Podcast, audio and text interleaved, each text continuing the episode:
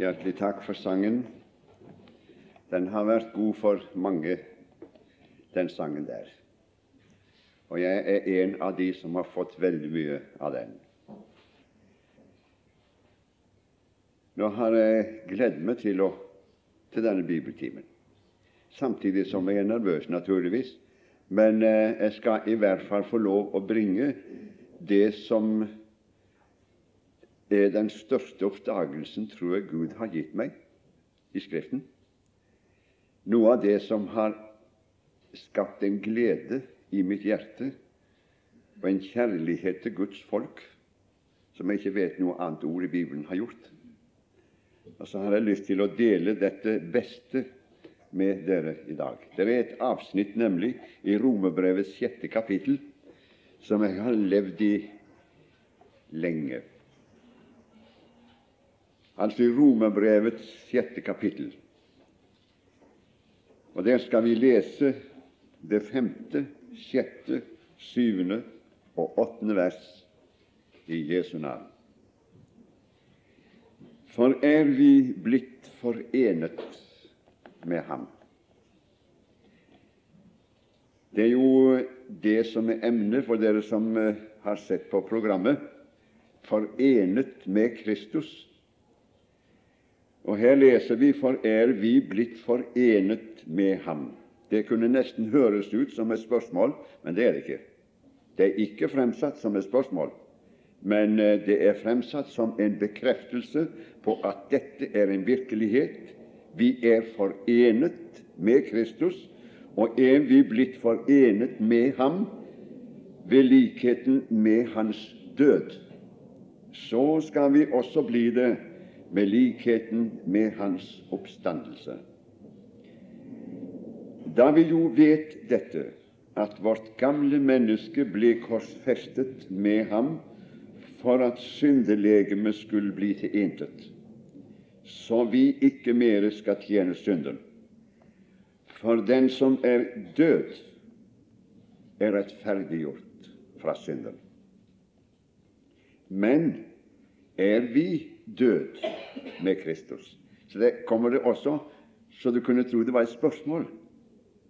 Her spørres ikke om vi er død med Kristus eller ikke, men det er bekreftelse på at det er en virkelighet, det er en realitet. Vi er død med Kristus, men er vi død med Kristus, da tror vi at vi også skal leve med ham. Jeg vet ikke hvor mye du praktiserer å streke under eller gjøre en eller annen bemerkning i Bibelen din. Det har, har jeg vent meg til fra jeg begynte å lese i Bibelen. Det er liksom en sånn innredning som du har i en bibel. Så Derfor er det veldig vanskelig for meg f.eks. å gå over til en, en, ny bibel, selv om det er akkurat samme oversettelsen. altså, for nå har jeg gått over flere ganger, men alltid er det så vanskelig. For jeg kjenner meg ikke igjen. Altså, jeg, jeg har streka under med kanskje med forskjellige farger. Det er noe jeg har satt en ring om. Jeg har innreda meg i Bibelen, altså. Og slik har sikkert også du gjort det. Iallfall en del av dere. Og du som våger å sette et tegn, vil du legge merke til noe spesielt i den forbindelse som vi nå har emnet vårt i dag. For er vi blitt forenet Så kommer det med ham. Det har jeg satt en ramme rundt i Bibelen min. Med ham. Så står det videre da vi jo vet dette, at vårt gamle menneske ble korsfestet med ham. Det har jeg også satt en ramme rundt. Det er det sjette vers. I det åttende vers Men er vi død med Kristus? En ramme rundt. For dette betyr veldig, altså, for at vi skal få den rette forståelsen av det som ordet taler om. Da tror vi at vi også skal leve med ham. Forenet med Kristus. vil ganske enkelt si at Gud har gjort oss som troende mennesker, dvs. Si gjenfødte, frelste sjeler. Han har gjort oss til ett med sin sønn, med Jesus Kristus. Eh, denne enhetstanken den går igjen veldig mye. Det, det, er sånne oppdagelser du gjør hvis det først begynner å åpne seg med et emne. Så, så lever du der, og så finner du det igjen. Eh, hvis vi går nå til Johannes evangeliets 17. kapittel Det er Jesu ypperste prestlige bønn, og den er delt i tre. De fem første versene i Johannes 17, der ber Jesus for seg selv. Det er i grunnen underlig å tenke på at Jesus ba til Gud. Han var jo selv Gud, men han ba. Han ba ofte. Men i disse fem første versene da ber han for seg selv. Også det var nødvendig. Det er interessant, det skal vi ikke lese. Fra det sjette verset til og med det nittende vers så ber han for sine apostler. Han hadde mye på hjertet når han skulle be for dem. Men når han er ferdig med det, så begynner han i det tyvende vers, og så ber han for alle de troende. Det har noe med deg å gjøre, og det har noe med meg å gjøre, og det er kanskje det som interesserer oss aller mest i den forbindelse. For han har forenet oss med Kristus. Vi skal lese der ifra det tyvende vers, og så skal vi prøve å legge merke til hva er det som eh, ligger på Jesu hjerte når han ber for meg. Det er jo klart vi er interessert i det. Eller syns du ikke det er noe interessant? Jeg syns forresten det er godt å være med på bønnemøter, men skjønt det er ikke mange bønnemøter nå lenger. Hvor lenge var det siden dere var på kne i forsamlingen hjemme på bedehuset hos dere? Altså, folket slutter med å bøye kne i forsamlingene nå. Folket slutter med å be til Gud sammen nå. Det var noe de gjorde i gamle dager, det. Så hvis du skulle ta et bønnemøte i dag, så ville nesten de få et lite sjokk. Det er fælt at det er blitt på den måten der. For tenk så oppbyggelig det er å være på et bønnemøte og så kjenne det hvor du er i slekt med den mann som ofte er bedrøvet, som ofte er nedfor. Jeg føler meg i slekt med han, og så blir jeg glad i han. Og så er det en som har fått en åpenbaring, og det kommer frem i hans bønn til Gud med takk og pris. Og det er godt å være på bønnemøte. Jeg er spent på hva folk ber om når jeg er sammen med dem. For det, kommer, det, det hjertet er fullt av, vet du. Det kommer frem når du ber. Kanskje spesielt da. Og det var noe som fylte Jesu hjerte også. Og det var derfor han ba. Og hvis det ikke var noe som lå ham på hjertet, så ville han heller ikke ha bedt til sin Fader. Men nå er det noe som gjelder deg, og så er det noe som gjelder meg. Og det er vi interessert i. Hva er det nå du kommer med Jesus? Vår ypperste prest, som taler med din Fader, så begynner han slik, 20. vers, Johannes 17. Men jeg ber ikke for disse alene. Hvem var det han hadde bedt om nå? For. Ifra det sjette vers til og med det nittende vers så hadde han bedt for alle sine apostler. Og så fortsetter han og sier, men jeg ber ikke bare for disse, men jeg ber også for dem som ved deres ord kommer til å tro på meg. Dere, nå ser jeg noe av frukten av deres ord. Det er noen som er kommet til troen på Jesus, og de sitter her i dag. Det er oss han ber for. Hva er det han ber om? At vi må ha det godt i alle deler i alle måter. Det ønsket han sikkert, men han ber ikke om det. For det er noe som er viktigere enn det. Og det er det som ligger ham på hjertet. Du må aldri glemme dette nå. Jeg ber ikke for disse alene, men også for dem som ved deres ord kommer til å tro på meg, at de alle må være ett. Ser du det? Det var absolutt avgjørende for Kristus. At alle de troende må være ett, like som du, Fader, i meg og jeg i deg at også de må være ett i oss, for at verden skal tro at du har utsendt meg. Og den herlighet som du har gitt meg, den har jeg gitt dem. Hvorfor det? For at de skal være ett. Det er enhetstanken som opptar Jesus.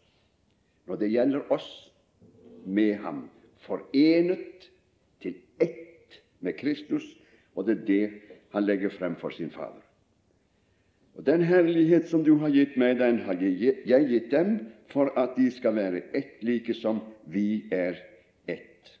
Jeg i dem og du i meg, for at de skal være fullkommet til ett. Det eneste ypperste presten er opptatt med i sin bønn når han taler med sin Fader om deg og meg, det er at vi må være ett.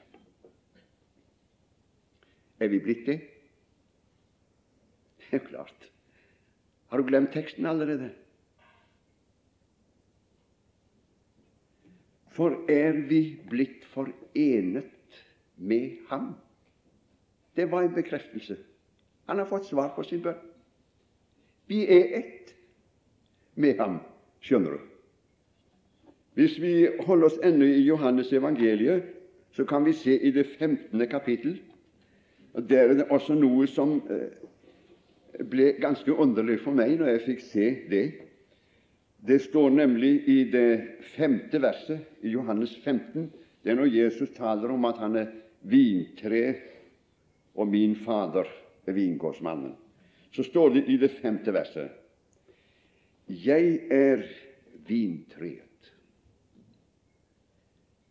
Dere troende, altså. Dere er grenene. Har du sett et vintre uten grener, du? Ja, det blir ikke noe tre. Nei, det blir ingen tre. Men eh, jeg er vintreet, dere er grenene.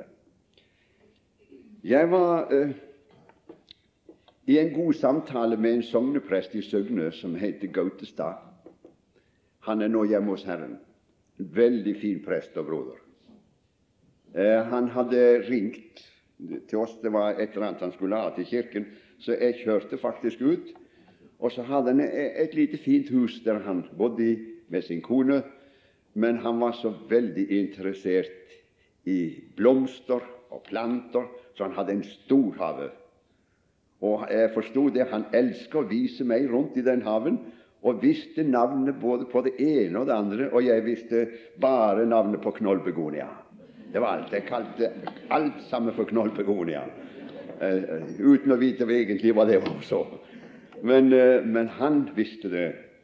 Men så så vi var, Vi kom bort til et berg, et eller annet der, og der vokste det opp etter berget og jeg syns tydelig det var druer på, på, som, som hang på det også. Så, så jeg spurte Gautestad hva er dette for noen ting.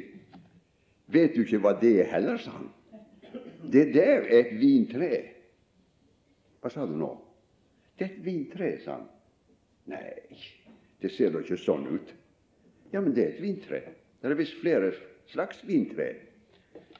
Så sa han, det var et merkelig tre. Ja, sa han, det er det merkeligste tre du kan tenke deg. For jeg så og så, og så sa han, det, det, ser nesten ut som det, det er ikke stamme på det treet der. Nei, sa han, det er ikke stamme på vintre. Hva sier du? Nei, det er bare greiner der, sa han.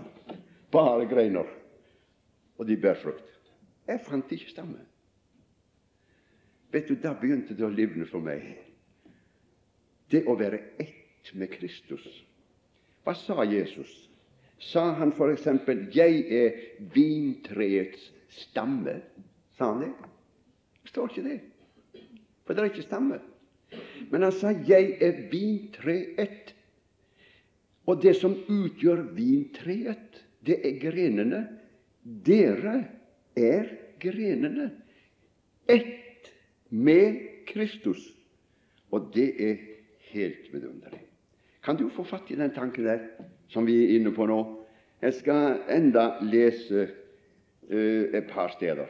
Så vil du se at dette er, dette er noe helt vidunderlig. Hvis du nå går til Efeserbrevets femte kapittel, så står det f.eks. i det Du kan lese det 31. verset. Det var Efeserbrevets femte kapittel. Det høres litt rart ut til å begynne med, men det ordner seg nok, skal du høre. Derfor skal mannen forlate far og mor og holde seg til sin hustru. Tenker nå, nå er du kommet helt på vidden. Ja, du kan så si. Jeg skal lese det en gang til. Derfor skal mannen forlate far og mor og holde seg til sin hustru, og de to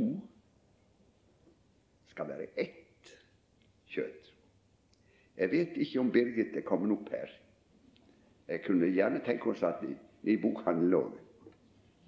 Men vet du at Birgit og meg Vår logikk sier at vi er to. Sant? Men nå spørs det om vi er troende folk. Og det, det byr på mange prøver, det. Det blir så ulogisk mange ganger. Guds ord sier at Birgit og jeg er ett kjød. Og så kan din logikk si hva den vil, men vi to er ett fordi det står skrevet. Hva vil Paulus dermed si? Hvis vi fortsetter Han sier at denne hemmelighet er stor. Er det noen hemmelighet? Nei, ikke at mann og hustru skal være ett. Det er ikke noen hemmelighet. Det var klart nok. Men i denne forbindelse vil du også finne en hemmelighet som er stor. Det var det Arne Helseth Dyrseth så så klart at han skrev den ja, jeg vil nesten si den beste boken du kan få. Den heter 'Den store hemmeligheten'. Og Har du ikke den boken, så må du se å få fatt i den mens det går an. Ja, Nå, nå, nå preker jeg ikke for bokhandel, altså. Det kan du lite på, for dette er en vidunderlig sannhet som jeg aldri kan få sagt på samme måte og like tydelig, like klart som Arne Helse Dyrseth hadde fått sett det. Denne hemmelighet er stor. Hva er det som er en hemmelighet? Som er så stor? Men jeg tenker, ja, nå, nå leser jeg sammenheng, altså. Denne hemmelighet er stor, men jeg tenker hermed altså ikke på mann og hustru, men de to er ett kjøtt.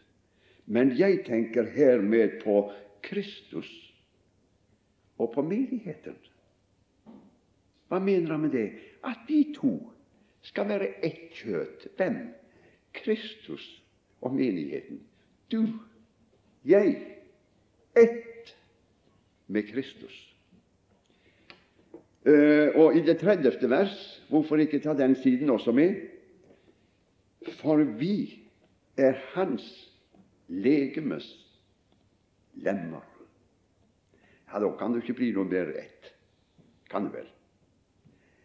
I første Korintiebrev, i det tolvte kapittel, der eh, står det også i det 27. vers Men nå er I, altså dere, Kristi legeme og hans lemmer. Kan du bli mer ett?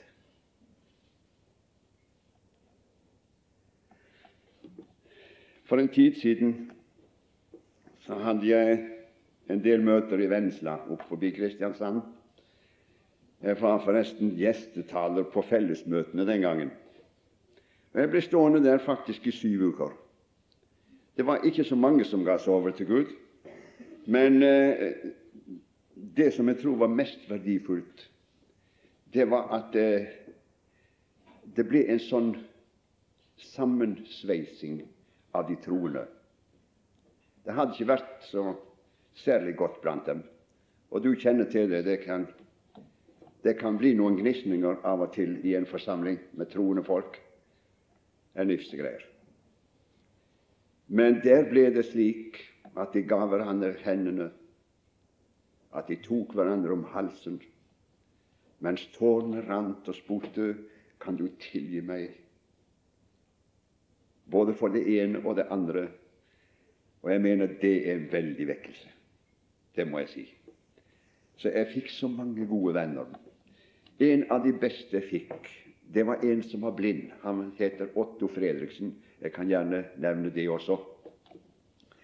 Den mannen han hadde nå vært blind i, i flere år, men han gikk bestandig og bar på Bibelen sin. En stor predikantbibel, sånn som jeg har her. Og jeg, jeg sa til, til, Otto flere ganger at, at, du går og drasser på den der Bibelen din, sa jeg til han. Hvorfor gjør du det, når du ikke ser noe i den likevel? Og jeg skal si det én ting. Jeg er så glad så lenge jeg kan få gå og bære på Guds ord. Det er så godt å kjenne Bibelen i nevene, sa han. Så den må jeg ha med meg når jeg går ut. Og jeg tenkte tenk om jeg hadde kunnet blitt så glad i Bibelen min som Otto var det. Og jeg skal si jeg leste sånn alt det jeg kunne så lenge jeg hadde syn. Og jeg forsto det at nå minka det med synet, og etter hvert vil du bli blind. Så jeg leste og leste og pugga, og jeg skal si det gikk klart frem når du snakker mot henne. Han var så bibelkjent. Det var, det var, det var interessant. Jeg kom tilbake igjen til Vennesla etter den vekkelsen der eh, en tid etterpå. Jeg skulle bare ha ett møte en kveld, og det var på bedehuset. Og ute i småsalen der møtte jeg Otto. Han også kom til dette møtet. Og så veksler vi noen ord, håndhilste.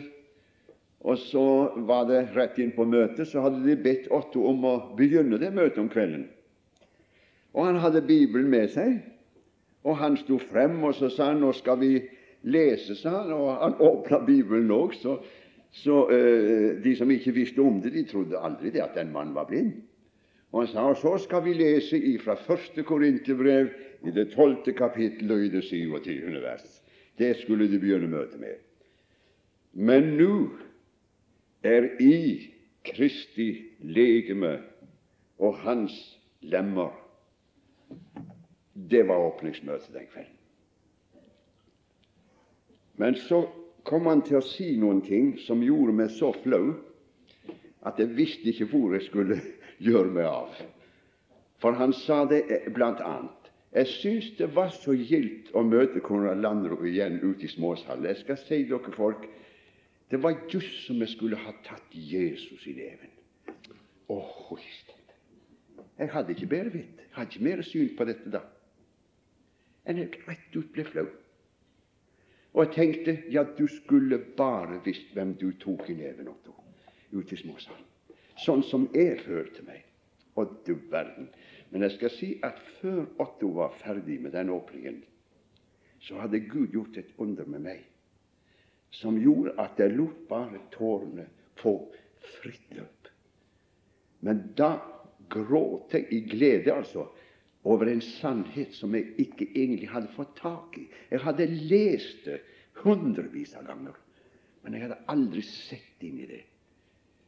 Dere er Kristi legemefolk. Dere er Kristi lemmer. Og Nå står jeg her dere med en underlig følelse der jeg er så uverdig til å stå her i dag. Jeg er så uverdig til å ha en forsamling som det jeg har i dag foran meg.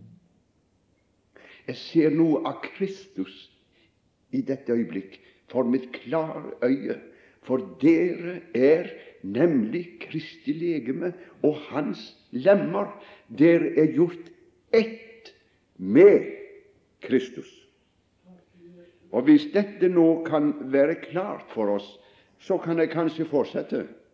Men hvis ikke du ser den sannhet, så vil det bli helt umulig for deg å, å, å følge meg i det som jeg nå kommer med i denne bibeltimen. Men nå får vi se. Jeg eh, har ei andagsbok hjemme. Den er skreven av en kineser som heter Watchman Nee. Den heter 'Brød i ørkenen'. Vi har dessverre ikke flere av den andagsboken på butikken nå. Den er utsolgt. Watchman Nee han var forkynner. Hvor mange bøker den mannen har skrevet, vet ikke jeg, men det er mange. Og han har et syn som er helt vidunderlig, å fremstille Kristus også på den måten som vi får det her på den timen i dag. Når han var inne på dette at uh, den som har bundet oss fast til Kristus og salvet oss, det er Gud. Men så brukte han et lite bilde. og Så sier han det når vi skal forkynne evangeliet i de små byene i, i Kina. Da må vi ofte bruke svært enkle bilder for at disse kineserne skal forstå uh, hvor vi vil hen. Og jeg tenkte Watchman, velkommen til Norge. Det er sånne enkle bilder nordmenn trenger hvis de helt tatt skal forstå slike sannheter som du taler om. For det som jeg taler om i dag, vil være et eventyr i mange kristne forsamlinger rundt omkring i vårt land. De har aldri sett det.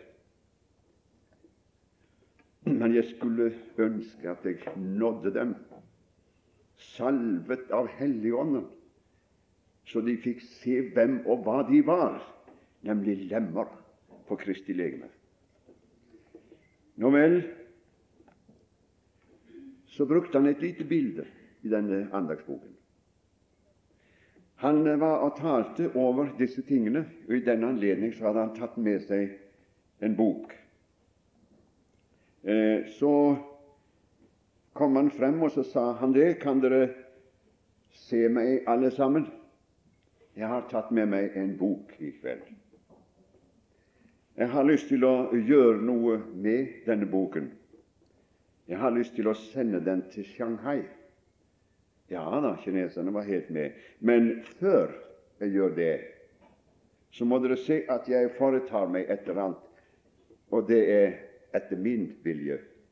Jeg har en liten lapp med meg. Jeg legger den inn i den boken. Nå pakker vi den, sender den til Shanghai. Ja da, de fulgte med. Nå skal samtlige vite at når denne boken faller i vannet, så er den lappen med. Ja, klart. Hvis den boken er så heldig at den kommer opp igjen av vannet, ja, så er tentlappen også oppe av vannet. Og hvis den boken kommer til Shanghai, så er også den lappen i Shanghai. Kan du forstå et bilde? For meg ble det så levende. For meg ble det så velsignet. Han ville ganske enkelt si at der hvor Kristus er, for Gud har forenet oss med Kristus, der Han er, der er du, der er jeg. Er du med? Nå skal vi lese. Nå skal vi begynne på åndelige sannheter, hvis du følger meg. Da går vi til Galaterbrevets andre kapittel, og så skal vi lese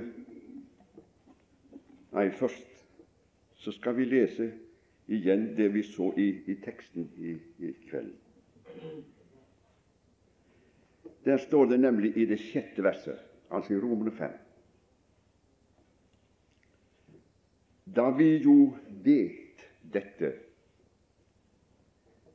at vårt gamle menneske skal daglig korsfestet, for at syndelegemet skal bli til intet, så vi ikke mer skal tjene synderen. ikke det herlig? Alle enige? De er ikke enige. Jeg syns det var greit. Jeg syns Karsten Line nevnte det flere. Det er vel protestanter jeg taler til, sa han. Jo da, det, det, det er sannelig ikke Vi kaller oss sådan, men vi protesterer ikke så mye som vi burde gjøre. Jeg leste spinngalt, men det høres så naturlig ut, for det er det som prekes òg. Og det er sånn vi går og steller oss også om dagene. For vi har ikke fått syn på det å være forenet med Kristus. Jeg skal lese det galt en gang til, så må du høre godt etter om ikke det passer inn i bildet. Da vi jo vet dette, at vårt gamle menneske skal daglig korsfestes for at syndelegemet skal bli til intet, så vi ikke mer skal tjene synder. Er det sånn du lever? Sånn levde Luther før han ble omvendt. Han holdt på å ta livet av seg. Han stelte med å korsfeste det gamle mennesket. Og jeg skal si jeg har møtt mange som er i slekt med han. Ifra han levde på den måten. Min venn, du må, du, du må passe deg. Du må ikke finne på noen ting som Gud aldri har bedt om. Gud har aldri sagt at vi skal holde på å korsfeste noe. Du må se etter hva det står og ikke bare leve etter det som du mener. Det spørs om vi er troende mennesker. Troende mennesker, det vil si, de tror på det som er skrevet. Men nå skal jeg lese det rett, så får du høre. Da vi jo vet dette Å, jeg skulle ønske at vi visste det. Er så mange troende som ikke vet det. Da vi jo vet dette at vårt gamle menneske hør nå, ikke skal daglig korsfestes, men vårt gamle menneske ble korsfestet. Det er ferdig. Det er over. Du må ikke korsfeste noe som Det er ferdig korsfestet. Skal vi eh, se i Galaterbrevet, som jeg nevnte, i det andre kapittel, og der i det tyvende vers, så får vi det med rene ord av en troende mann, som vi alle har respekt for. Han sier det slik, altså Galaterbrevet, andre kapittel, tyvende vers. Jeg er korsfestet med Kristus. Kan du si dette, min venn? Jeg er korsfestet med Kristus. For ikke lenge siden så var vi i en 70-årsdag i Vågsbygd. Det var ei dame der som fylte 70 år, og det var mange i det selskapet der. Svære langbord, et fint selskap. Flere troende, for hun var en troende, mannen hennes var en fin troende. Og mens vi som satt iallfall der i nærheten hvor jeg var Det er så mange som har vært i Israel. Masse mennesker. Jeg, føler meg nesten flau, altså. De har så store opplevelser i Israel. Ja, ja, Frøkland, du har nå vel vært der i 20 ganger, du? sikkert. Hvor mange er det som har vært i Israel her? La meg få se. Kom, kom opp, takk, med hånden. Det var fint. Og den ene fortalte fra Israel, den andre fortalte fra Israel. Interessant er det. Så var det en som kom til å spørre meg og jøye meg Du, Landro, har, har du vært i Israel? Så sa jeg ja. Ja, jeg har det. Jeg syntes det var så skammelig å ikke ha vært der. Men jeg løy ikke. Så sa 'Når var du der?'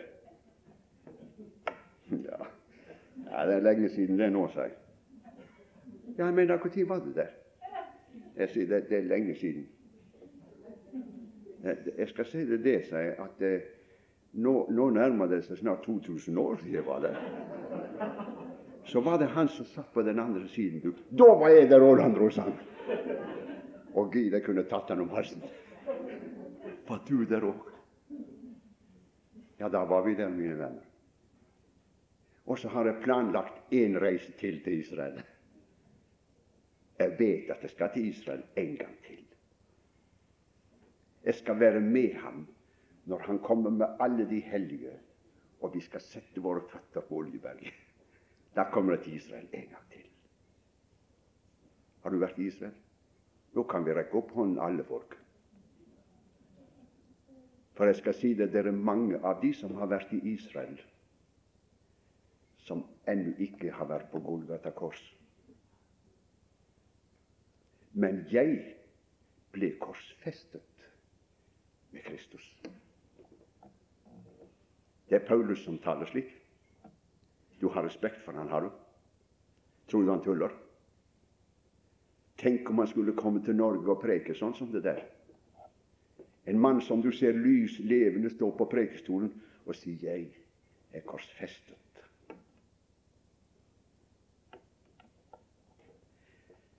Og han fortsetter med å si 'Jeg lever ikke lenger selv'.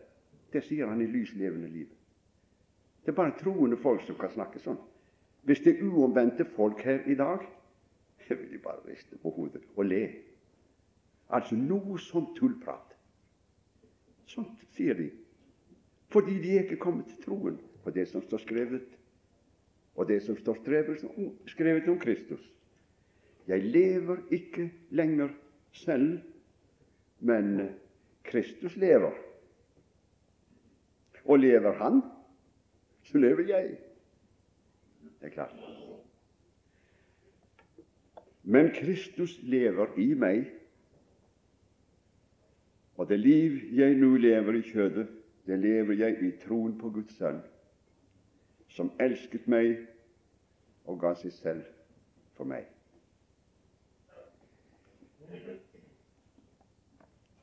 Hvis den boken faller i vannet, så følger den lappen med. Hvis Kristus skulle henges på et kors, så var det ikke bare hodet hans som hang der, men hele legemet, med alle hans lemmer, var på Golgata kors. Dere er Kristi legeme. Dere er hans lemmer. Vi er forenet med Kristus.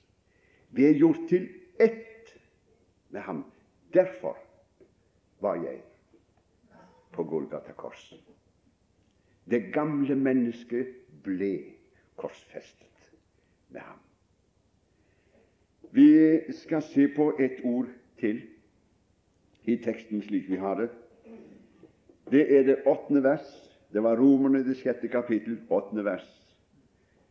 Men er vi død med Kristus? Jeg sier en gang til det er ikke spørsmål, det der, men tvert om en bekreftelse. Vi er død med Kristus. Første Korintiabrev, annen Korintiabrev skal det være, vel, uh, i det femte kapittel. Du kjenner det så vel, men eh, nå har vi det i en bestemt sammenheng med å være forenet med Kristus. Der står det i det 15. vers 2. Korinterbrev 5 i det vi har oppgjort dette med oss selv, at én er død for alle. Derfor er de alle død.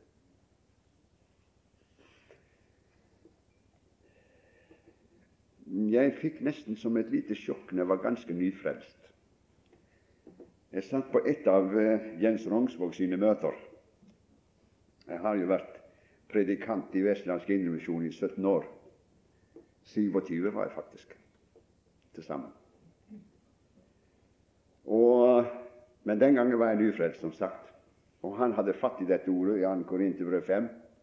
Og så kom han til å si blant annet Hvis du aldri har lest din egen dødsannonse Du skal høre forferdelig mye rart, altså. Men han sa hvis du aldri har lest din egen dødsannonse, så skal du gå hjem og lese 2. Korinterbrev 5.15. Jeg hadde dessverre ikke Nytestamentet med meg, men jeg satt bare og håpte på at nå måtte Rangsvåg si ammen fort, altså. Ellers så kunne det virke som en demonstrasjon og jeg stakk av. For jeg har aldri hørt sånn i mitt liv. Jeg tenkte min dødsannonse kommer de kanskje til å lese i Bergens Tidende en gang, for jeg bodde jo der. Men at jeg selv skulle lese dødsannonsen, det hadde jeg aldri tenkt meg.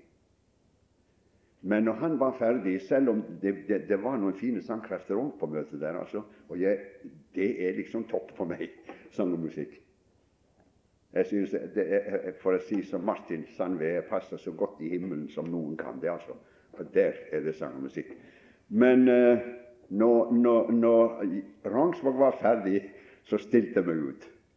Og når jeg kom ut, så løp jeg omtrent. Jeg var så spent, altså. at Jeg, jeg har aldri hørt sånt i mitt liv. Men jeg kan ikke forklare for dere, mine venner, den opplevelsen jeg hadde den kvelden. For da satt jeg og leste min egen dødsannonse for første gang. Jeg hadde lest det ordet før, men jeg hadde ikke lagt merke til det. Da fikk jeg se det ordet som plagde meg i min nyfrelste tilstand. Det var gjerne det ordet at syndens lønn er døden. Og jeg tenkte det, jeg kommer aldri utenom det. Jeg må dø. Og jeg tenkte på den evige død. Men da løstes floken for meg til de grader at jeg fryder meg Kjære, synden har jo fått sin lønn. Jeg er død. For jeg døde med Kristus. Synden er jo sonet. Gjelden er jo betalt. Jeg var med Kristus i døden fordi jeg var forenet og er forenet med Kristus. Så han gikk inn i graven ble lagt i graven med alle sine lemmer død. Og så kan vi fortsette i Efeserbrevets andre kapittel. Det blir jo litt bibellesing sånn på disse bibeltimene. Men jeg har ikke langt ifra så mange bibelsteder som de andre karene her. altså Jeg er ikke så bibelsprengt heller som de. Men, eh, men jeg syns jeg har funnet fatt i de nødvendige ordene likevel. Det er nå sikkert i denne sammenheng. Og da skal du lese Efeserbrevets andre kapittel. Og så kan vi se hva det står i, fra det fjerde vers. Men Gud, som er rik på miskunn, har for sin store kjærlighets skyld som Han elsket oss med. Gjort oss Hva har Han gjort oss? Hør nå. Jeg, jeg syns det står så klart òg, men det er veldig at ikke vi skal få øye på det. Men det står Han har gjort oss levende med Kristus, enda vi var døde ved våre overtredelser. Av nåde er vi frelst. Jeg skal si deg når Kristus sto opp av graven. Da sto han opp med alle sine lemmer. Hele Kristi legeme. Dere er Kristi legeme og hans lemmer. Ja, det, dette røyner på troen, altså.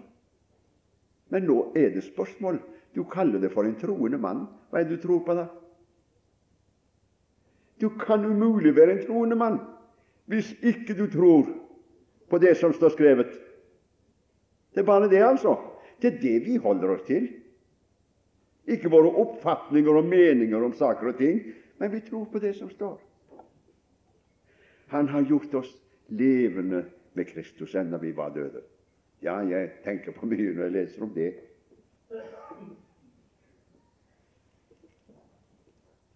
Det var flere som ble levende på Jesu tid den vi kjenner best til. Det er som heter Lasarus. som hadde ligget i graven i flere døgn. Da kunne vi møtt opp. Jeg hadde nesten sagt med Billy Graham i spissen. Da kunne vi mått opp med svære kor på 1000 medlemmer. Min venn Lasarus hadde bare ligget der. Det er ingen predikant eller kor som hadde fått han ut av graven. Men mesteren, Jesus, brukte tre ord. Lasarus kom ut. Det er kraftig Guds ord, mine venner. Vi må prøve å komme tilbake igjen til troen på Guds ord. For det er bare ordet fra Gud som kan gjøre levende, ikke mektig og dyktig preken og mange flotte ord. Men ordet fra Gud har enda kraft til å gjøre levende. Men her er det i den sammenheng at vi er forenet med Kristus. Det var Gud som gjorde oss levende med ham enda vi var døde ved våre overtredelser og oppvakt oss med ham. Kommer igjen. Og så er det en sannhet til, og den er svær å svelge. Ja, nå skal det røyne på troen til tusen. For nå skal jeg lese ordrett. Nå skal jeg ikke gjøre noe vanskelig. Han oppvakte oss med ham og satt oss med ham i himmelen i Kristus Jesus. Nå er jeg i himmelen. Nå, i denne stund, er jeg i himmelen. Like sikkert som han er der. For jeg er forenet med Kristus, og så tror jeg på det som står i Efeserbrevets andre kapittel og i det sjette vers satt oss med ham i himmelen i Kristus Jesus.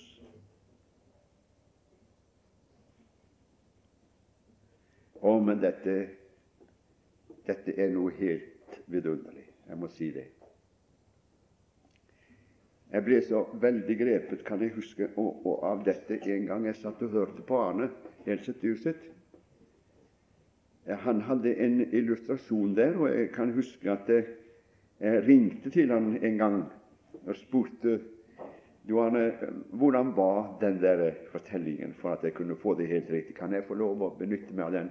Å, Gud velsigne deg, sa Arne. Så mye du vil, kan du benytte den. Han fortalte en liten opplevelse fra Skottland det var en som kom kjørende med hest og kjerre. Han var en veldig fin kristen mann. Nå kan ikke jeg fortelle det så fint som Arne gjorde det, men i, i, i, hvert fall så kom han kjørende om, omtrent forbi en mann som, som, gikk der gående. Men så stanset han opp og så sa du kan sitte på her. Og underveis da så hadde han jo lyst til å evangelisere litt, men det, det er ikke alltid like godt å kunne åpne en sånn samtale, noen som du har lyst til å snakke til om Gud. Men så, så sa han det på den måten til den andre. Si meg en gang er, Har De noen gang hørt om himmelen? sa han. Så ble det en liten pause. Så sier den andre Ja, jeg, jeg bor der, jeg, sa han. Nei, det forsto ikke henne igjen. Nå hadde han møtt en virkelig kristen altså, som hadde satt seg opp ved siden av ham. Jeg mener, sa den andre, for eh, at ikke du tar feil, jeg mener, har du hørt om veien til himmelen? Den andre han tok det med ro igjen, et lite smil. Ja, sa han, det er, det er sant, jeg bor der.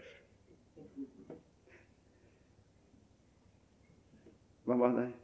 Må, må jeg få lov å spørre deg, min kjære kristne venn, hvor bor du?